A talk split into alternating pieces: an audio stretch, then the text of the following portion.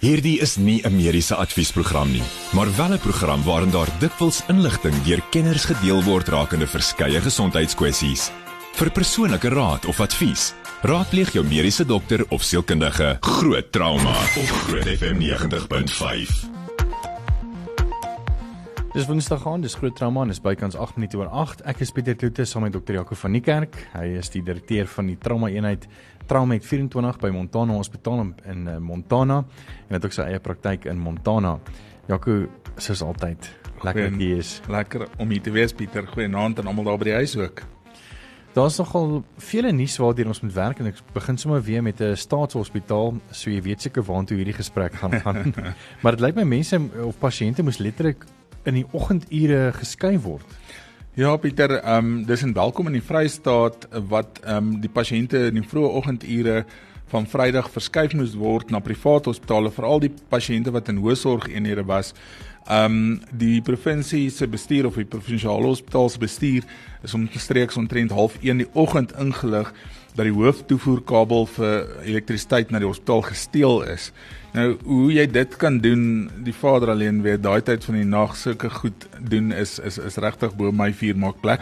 Maar in elk geval, hy sê toe dat ehm um, al die hoësorgpasiënte is dan onmiddellik verskuif na private hospitale wat beteken dat die private sektor by bygekom het um, by hierdie partytjie en, en en gehelp het jy weet want hulle weet hulle gaan nie daai geld kry nie hulle weet ook dat ehm um, dit eintlik maar vir die liefde van die saak is. Hmm. Maar ek dink ehm um, die die punt is daar is moeite gedoen met hierdie pasiënte. Nommer 1, nommer 2 is dat die ehm um, ALR vir gesondheid in die Vrystaat het dan nou die hele misdadige optrede en vandalisme veroordeel en gesê die gemeenskap moet saam staan om hierdie optrede stop te sit en dis net die gemeenskap wat weet wie hierdie diewe is en hierdie kabeldiewe is en dis net die gemeenskap wat die hospitaal gebruik. So dit is ook tot hulle tot hulle voordeel dat ehm um, hulle dan help met die vastrek van hierdie kabeldiewe. Nou hierdie is nie stories uh op die mediese front en ons hoor natuurlik wat is jou opinie hoor. So my ek wil my, my vraag aan jou en jou opinie is Jaco is dit dink jy nie as daar 'n kans is dat hulle miskien ook die provinsiale hospitale gaan privatiseer dat dit enigstens gaan help nie? Ek dink nie so nie. Ek dink nie nommer 1 dink ek nie daar's 'n privaat maatskappy in ons land wat die staatshospitale wil hê nie. Ehm um, want jy gaan 'n groot klomp van jou van jou winste vir die volgende hoeveel jaar gaan jy gebruik vir instandhouding dink ek. Hmm. Ehm um, en ek ek dink nie daar gaan 'n daar gaan 'n groot noemenswaardige verskil kom nie. Ek dink die private hospitale sal privaat bly. Ehm um, en die staatshospitale wil nie eintlik met privaat sektor baie keer saamwerk ook nie, hmm. nee. Um, ons sien dit baie keer as ons pasiënte wil oorplaas wat nie 'n mediese fonds het nie na staatsinstelling toe. Hulle die oomblik wat hulle hoor jy bel van 'n private hospitaal af dan um, is hulle belangstelling baie baie min. Hmm. Ja, dit is net hartseer want ek meen hierso in die nuus storie het mense nou juist gesien dat private hospitale is is die ouens wat eerste aan hand opsteek om te help waar hulle hmm. kan as hulle kan help, jy weet. Definitief. En uh, dit is nie vice versa ongelukkig so nie. So ek hoor jou punt en ek dink ek dink ek gaan met jou saamstem op hierdie ene. Dan oor 'n paar kinders wat gaan dit vir operasie. Ja, ehm um, daar is 'n onlangs in die in die ehm um, nuus uh, hele inisiatief oor die congenital heart disease projek. Nou, um, net net in beginsel, wat is kongenitale hartsiekte? Kongenitale hartsiekte is al hierdie um, letsels of hartdefekte waarmee kinders gebore word. Nou, ons onderskei gewoonlik hoofsaaklik tussen cyanotiese en nie cyanotiese hartletsels nie wat beteken dat jy kry hierdie kinders wat wat net groei vertraging het, die nie-cyanotiese letsels en hulle kry hartversaking later en komplikasies. Maar dan kry ook die cyanotiese hartletsels wat die kinders letterlik um, minute um na geboorte begin om te desatureer of hulle suurstofvlakke val weens die feit dat die hart nie optimaal werk nie. Daar's verskillende um tipes kongenitale hartsiekte soos byvoorbeeld transposisie van die groot vate wat jou groot long en en aorta um en jou longvate omgeruil is. Um daar's 'n tetralogie van Verlou wat beteken daar's vier verskillende hartdefekte wat in een um pasiënt voorkom met geboorte.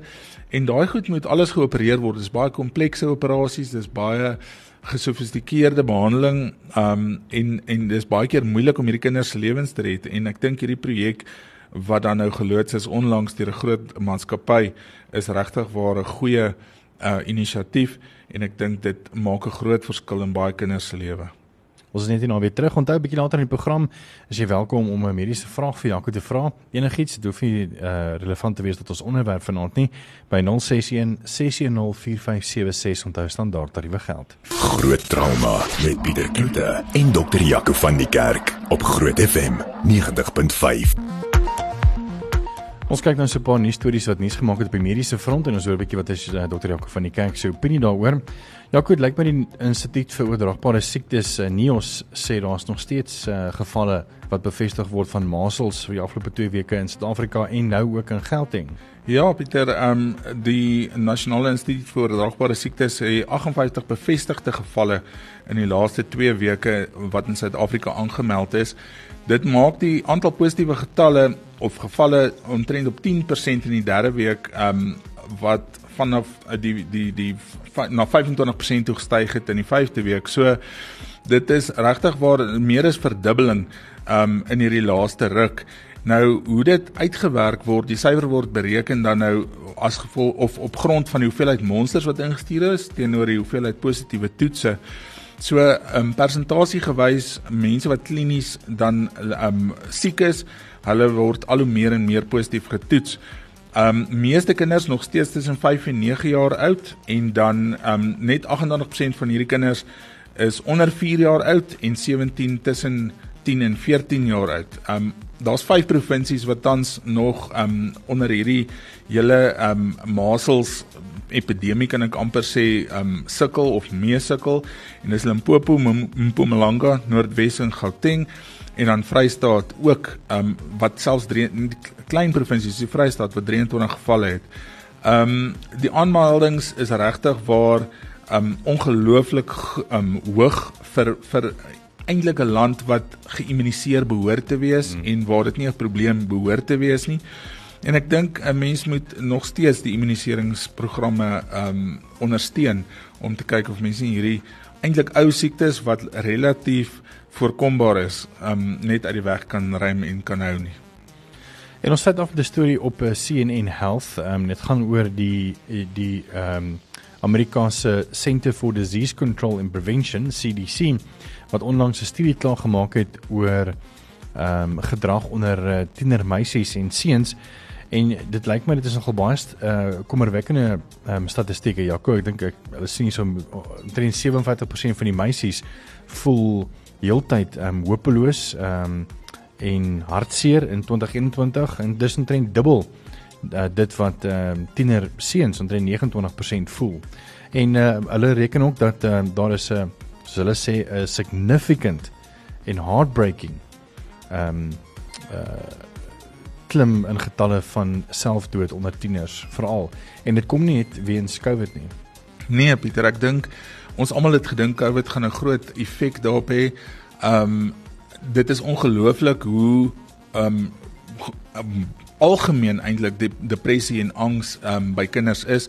As jy nou vat meer as die helfte van die meisies wat wat dan ondervra is, het dan um simptome van depressie en angs.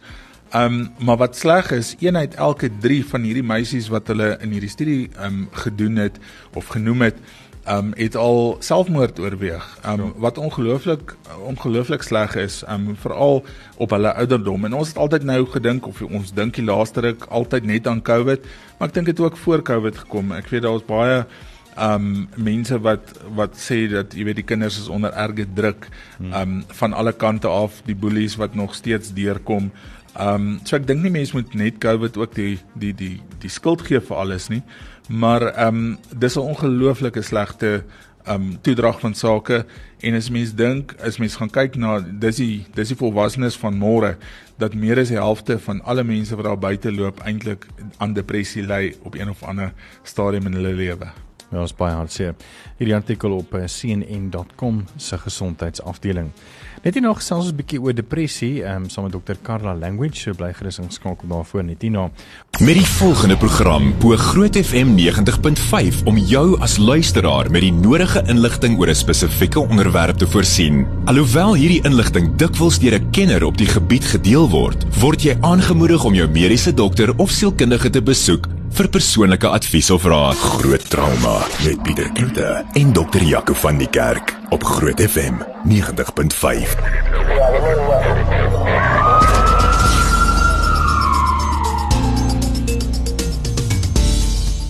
Ons het selfs bietjie oor swangerskap en uh, so 'n paar mites daar rondom wanneer dit kom met geboorte en uh, depressie en die meer en om hieroor te gesels het ons vir Dr. Karla Language. Sy is 'n lid van die Suid-Afrikaanse Vereniging van Psigiaters en sy is in die privaat praktyk. So baie welkom dat jy hier is en is lekker dat jy hier is. Dit is baie lekker om te wees en so groot voorreg. Dankie dat julle my vanaand genooi het om iets om iets te kom gesels wat ons na in my hart lê. Ja, en jy is nogal baie passief. Ons het uh, net so voor die uh, onderhoud bietjie gesels en sy weet en jy kon so ek kon sommer sien dat jy nogal baie passievol is oor hierdie onderwerp.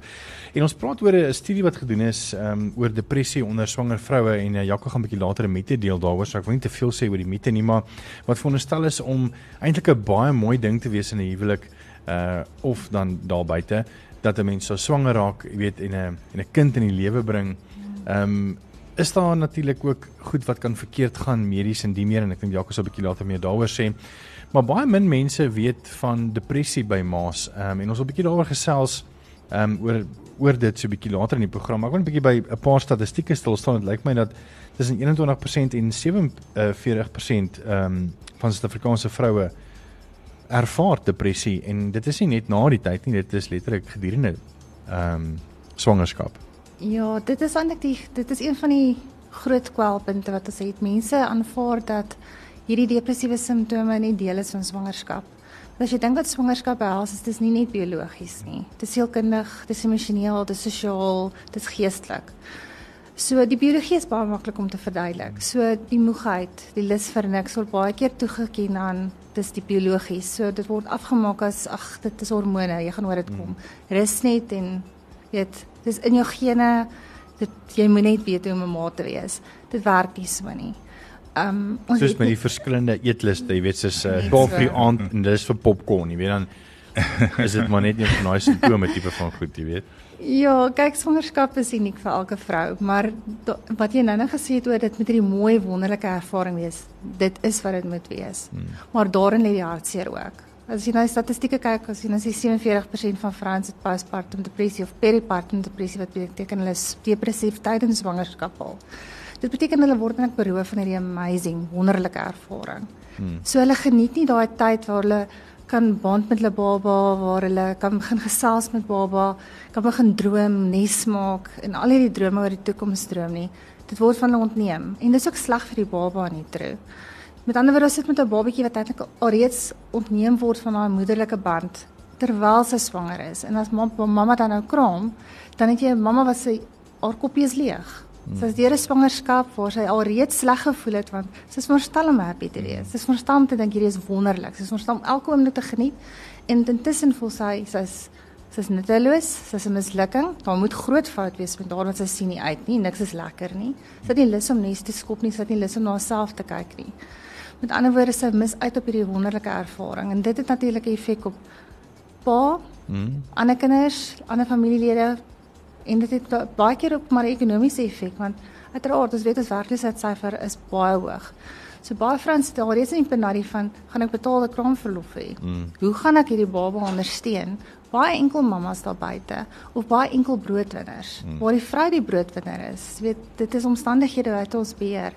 So dit maak ehm um, swangerskap en depressie baie moeilik.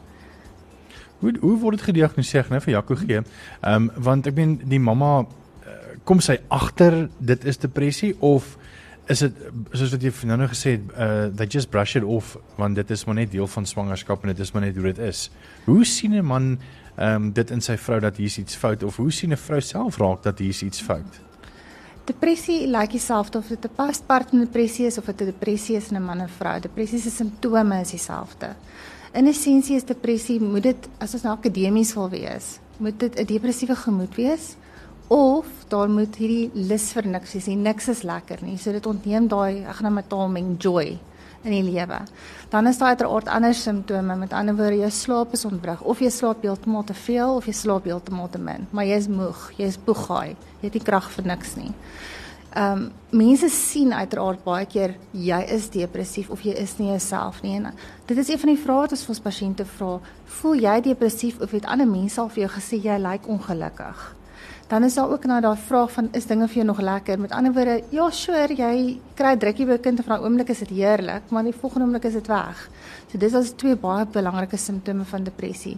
Slaap is belangrik wat almal oor praat. Selfmoordgedagtes uiteraard is 'n grootte, maar dit is nie noodwendig selfmoordgedagtes nie. Dit is baie keer net 'n gevoel pasiënte sal vir jou sê altens sal vir jou sê, weet jy, ek wil net ons ek wil net soos 'n disprin verdwyn in die water. Ek wil net nie meer wees nie. So dis nie noodwendig dat hulle altyd dink aan selfmoord nie, maar dis alreeds 'n groot rooi lig. En dan uiteraard is dit ook dan hierdie groot angstigheid wat gewoonlik saam met dit gaan en dit is weer eens dan word dit nou half afgemaak as maar dis maar deel van hierdie afwagting en onsekerheid maar angs is 'n groot komponent van depressie veral in swangerskap. So dit is nogals iets wat mense vandag moet uitkyk. So as jy 'n geliefde het wat jy dink depressief is, kyk na verandering in gedrag, verandering in funksionering. Vrouens in die algemeen selfsorg. Jy sal dit optel. Klein goedjies, jy ken jou lewensmaat of jy ken jou vriendin of jy ken jou dogter of jou sussie en jy besef dat weet jy wat sy dra haar op 'n sekere manier, sy doen altyd haar naels so en skielik hou sy op. Sy's net nie meer daar nie. Dis daai rooi ligte wat jy voor moet kyk. Jy moet dit nie afmaak as sy's net moeg nie, want dit is in essensie funksionering. En funksionering is waar ou dan 'n verskil het tussen iets wat maar net hormonaal is versus iets wat dan eintlik 'n siekte is. Ja, net van my kant af die ehm um, so, ons praat nou oor die swangerskap en depressie, maar hoeveel van daai pasiënte het nie langstaande voorafgaande depressie al nie. Want mense hulle hulle hulle wil dit amper wegsteek dink ek. Um omdat daar nog steeds 'n stigma is. Vader alleen weet hoekom, maar dit is nog steeds so.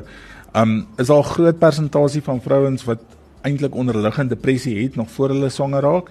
En dan die ander vraag is um as hulle nou hierdie depressie in swangerskap kry, wat is die risiko vir vir middel en alkoholmisbruik wat dan eers van die saak nou mediese komplikasies en en en geboortekomplikasies tot gevolg kan hê.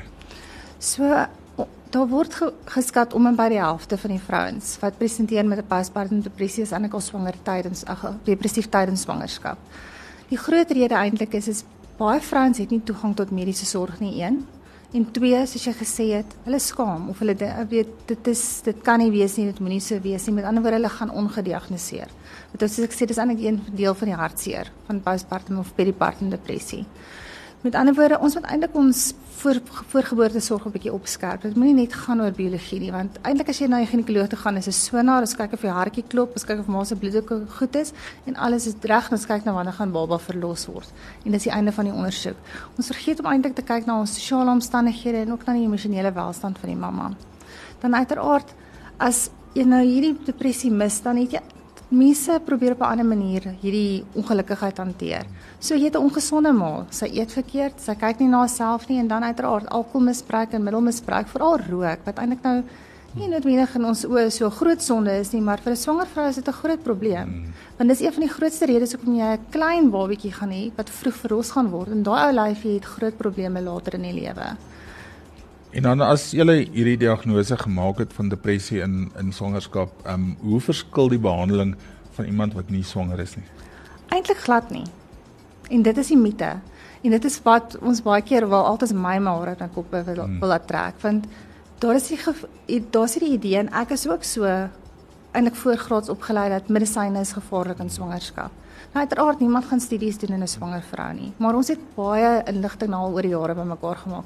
Ons weet dat eintlik is meeste van ons antidepressante veilig en ons weet antidepressante werk. Met ander woorde, jy het 'n ma met 'n kwaliteit lewe, het 'n swangerskap wat sy geniet. Dit is 'n baba wat goeie emosionele bonding het met sy mamma. Na die tyd word hierdie babatjie gestimuleer, jy het 'n gesonde kind. So ons weet dit werk. So en dan uiteraard baie medisyne. Eintlik wat die beste kombinasie is is dan nou wat ons noem psigoterapie of praatterapie. So dis wanneer jy met jou sielkundige ook praat.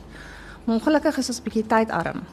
Hmm. So dis hoekom ons redelik swaar leen op medisyne want mense het nie tyd om na hulle sielkundige toe sielkundige toe gegaan nie of hulle het nie die finansies om te gaan nie. Maar die ideale behandeling sou wees sielkundige en medisyne. En dit is maar die waarheid vir alle pasiënte. Hmm gaan ons gou die mediese mite minuut of is hy nou eintlik klaar beantwoord? Ja, ek dink nog nog net deel van van die mite is dat dat mense dink postpartum depressie of perinatale depressie kom net na swangerskap en en en die verlossing voor, maar dit kom eintlik voor voor die tyd en na die tyd. So ek dink dit is 'n belangrike punt. Ons is En dit hou lank. Mm. En dit is die groot gevaar met ander woorde daai eerste jaar wat hierdie ou lyfie moet ontwikkel, word van al daai moederlike liefde ontneem, want mamma mm. kan nie. Ons sal 'n bietjie nou verder praat oor dit. Groot trauma op Groot FM 90.5. Ons het in die ateljee Dr. Kana Language en sy is lid van die Suid-Afrikaanse Vereniging van Psigiaters en sy het ook haar eie praktyk hier in Pretoria Oos. En ons het 'n bietjie gesels oor maas en uh, babas en depressie. En ehm um, ek wil net 'n bietjie stil staan ons het net afgesluit om te sê dat jy weet ehm um, uh, van die ehm um, simptome wat wat 'n man en vriende na kan uitkyk. As jy dit miskien net dit, weer net vir ons kan um, uitlig nie en weet waarna om te kyk en dan ook bietjie oor die gevolge van jy weet wat gebeur as 'n ma uh met depressie sukkel en sy gee geboorte en die baba kry byvoorbeeld nie daai eerste paar weke of maande selfs liefde nie. Uh liefde bedoelende weet van die ma af nie. En ons weet almal weet hoe belangrik dit is daai eerste ehm um, oomblikke van 'n baba. Okay, so maar maar nie vir alles maar op te som. Die groot simptome is eintlik dan uiteraard 'n depressiewe gemoed. Maar dit kan ook maar net vir jou as 'n lewensmaat of 'n vriendin of 'n sussie, dit kan vir jou net lyk like vir die persoon hartseer is. Hmm. Ehm um, maar dis meer as dit want dit is iets wat heeldag daar is. Dis 'n knaande ding. Dis nie iets wat kom en gaan nie. Dis nie vlietend nie. So dit is dit gaan nie uh, baby blues waarvan ons baie keer praat. Dis moenie langer as 2 weke hou nie. Maar as jy sien hierdie persoon is nou al dis oor 2 weke, ons het eintlik nou al begin sê dat praat nou eintlik net vir na die verlossing. Dan dan moet jy eintlik al klaar rooi met rooi ligte sien daarso. Dan die ander simptoom wat mense ook nou maar voor moet kyk is dan die mooi woord is daar vir anodonie, maar dit beteken eintlik van net niks is lekker nie. Met ander woorde, niks gee vir jou daai opflikkering, daai lig jou gemoed nie.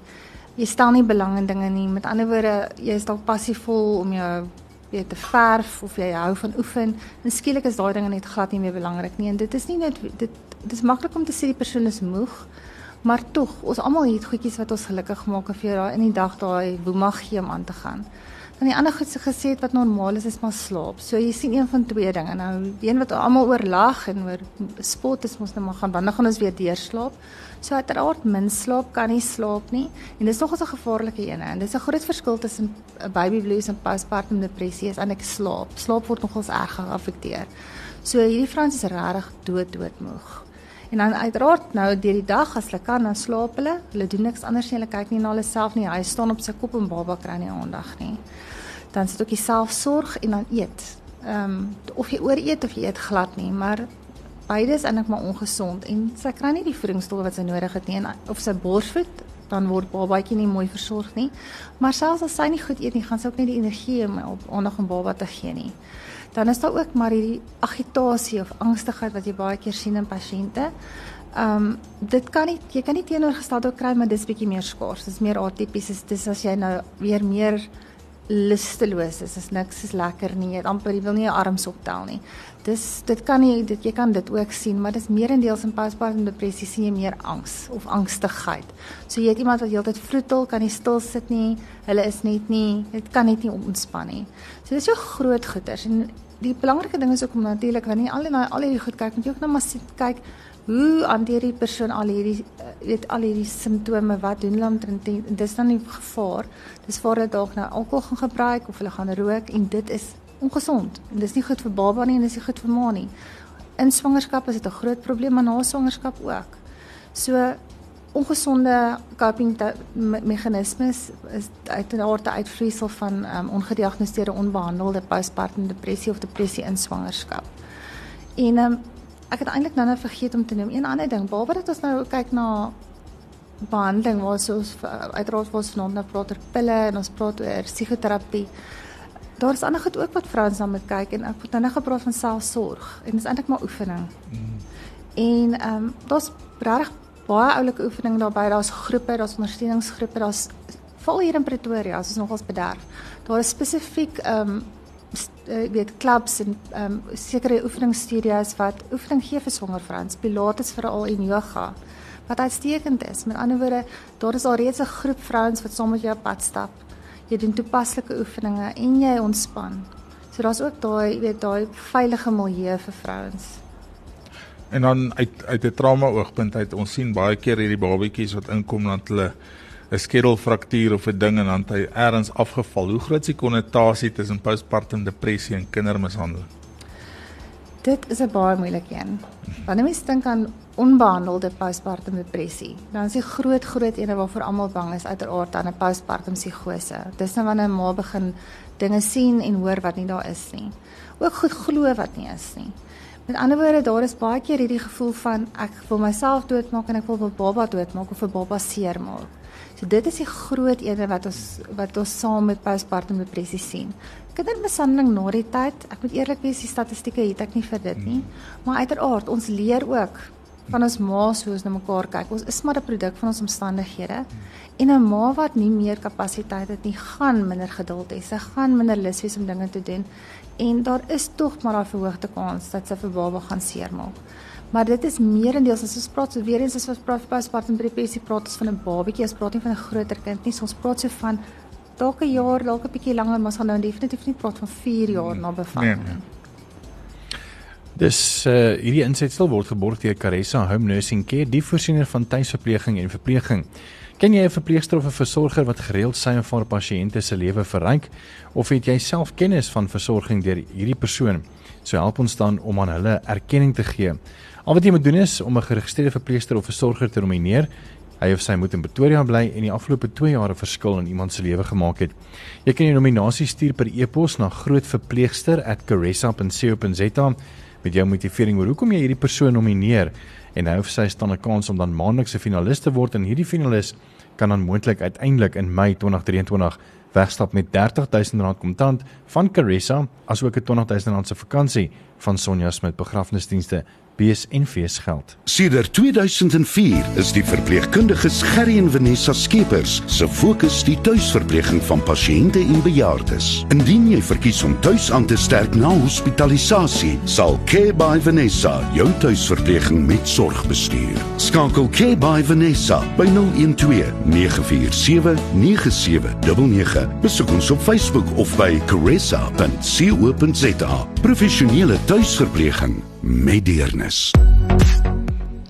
Vanaand het ons twee nominasies. Die eerste een is Suster Priscilla Besaidenhout. Sy werk daar by Alma Skool vir leerders met spesiale behoeftes.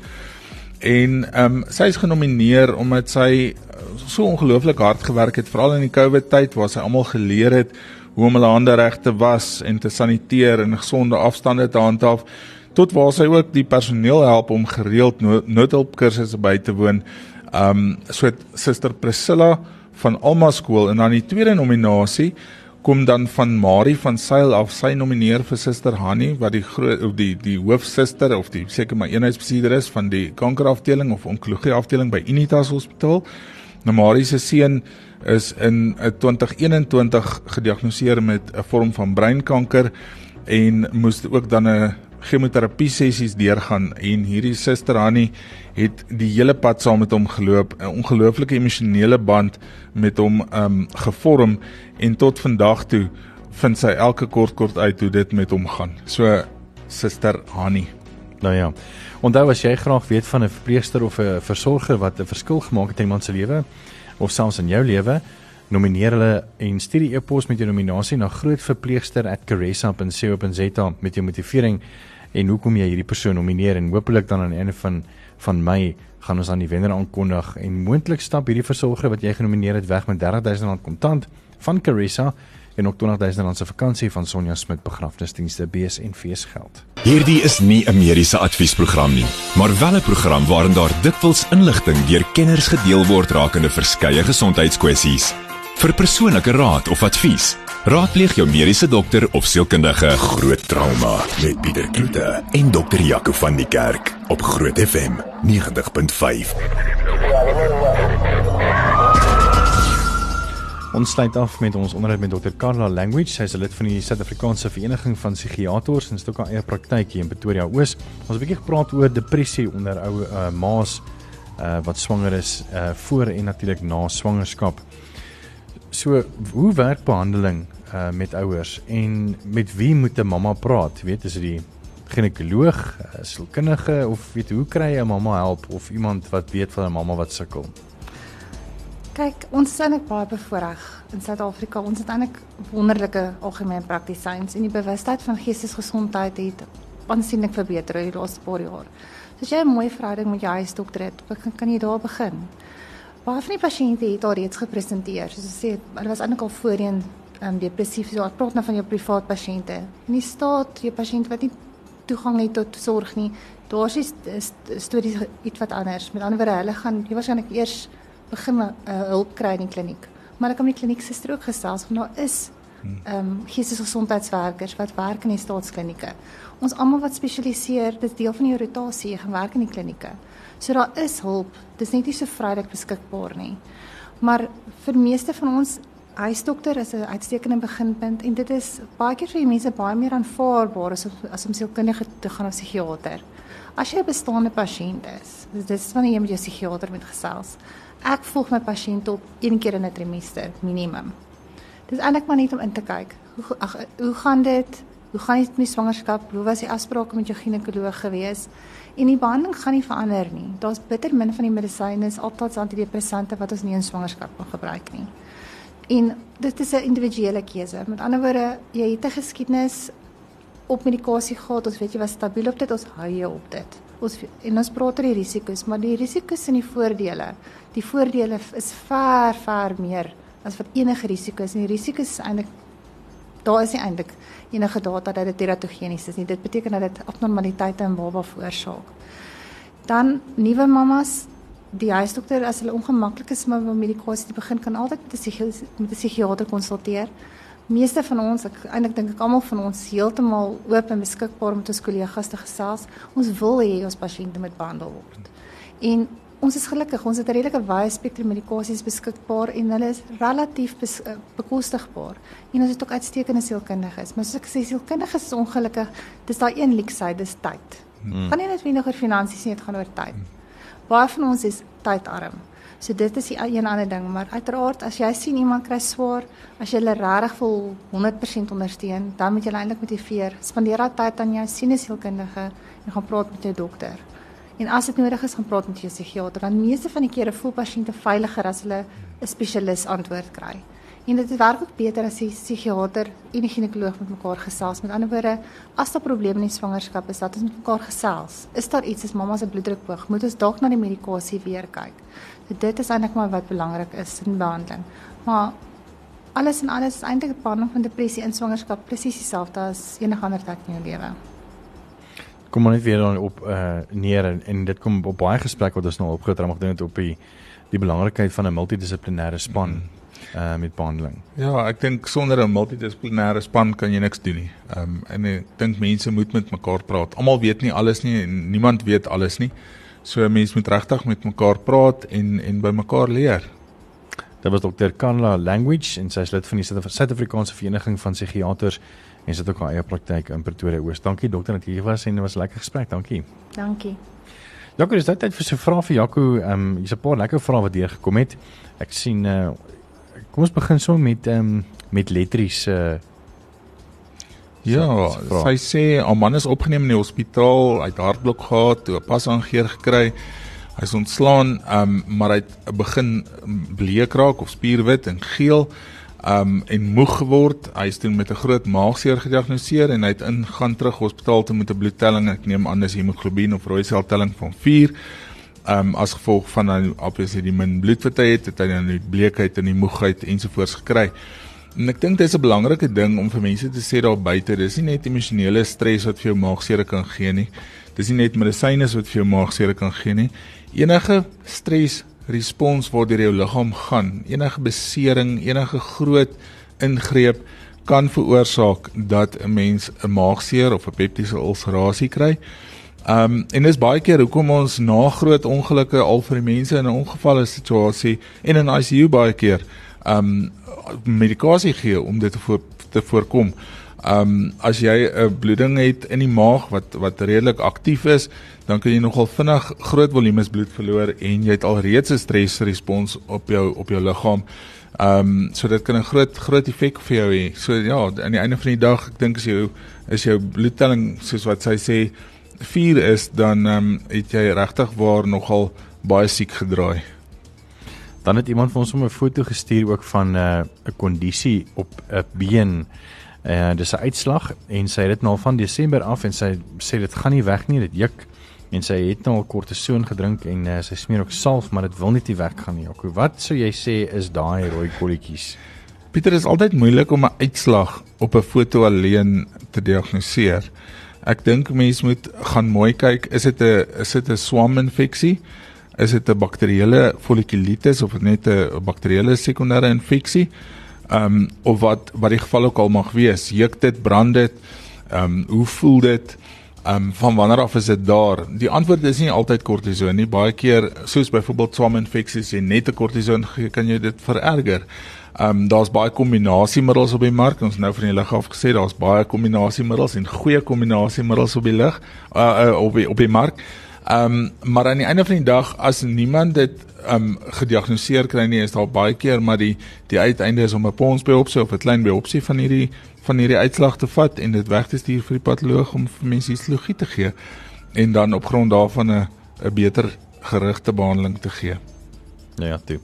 Dis dit vir groot drama Jaco, dankie weer eens vir jou tyd vanaand uh, en elke Woensdag. Dit was groot drama.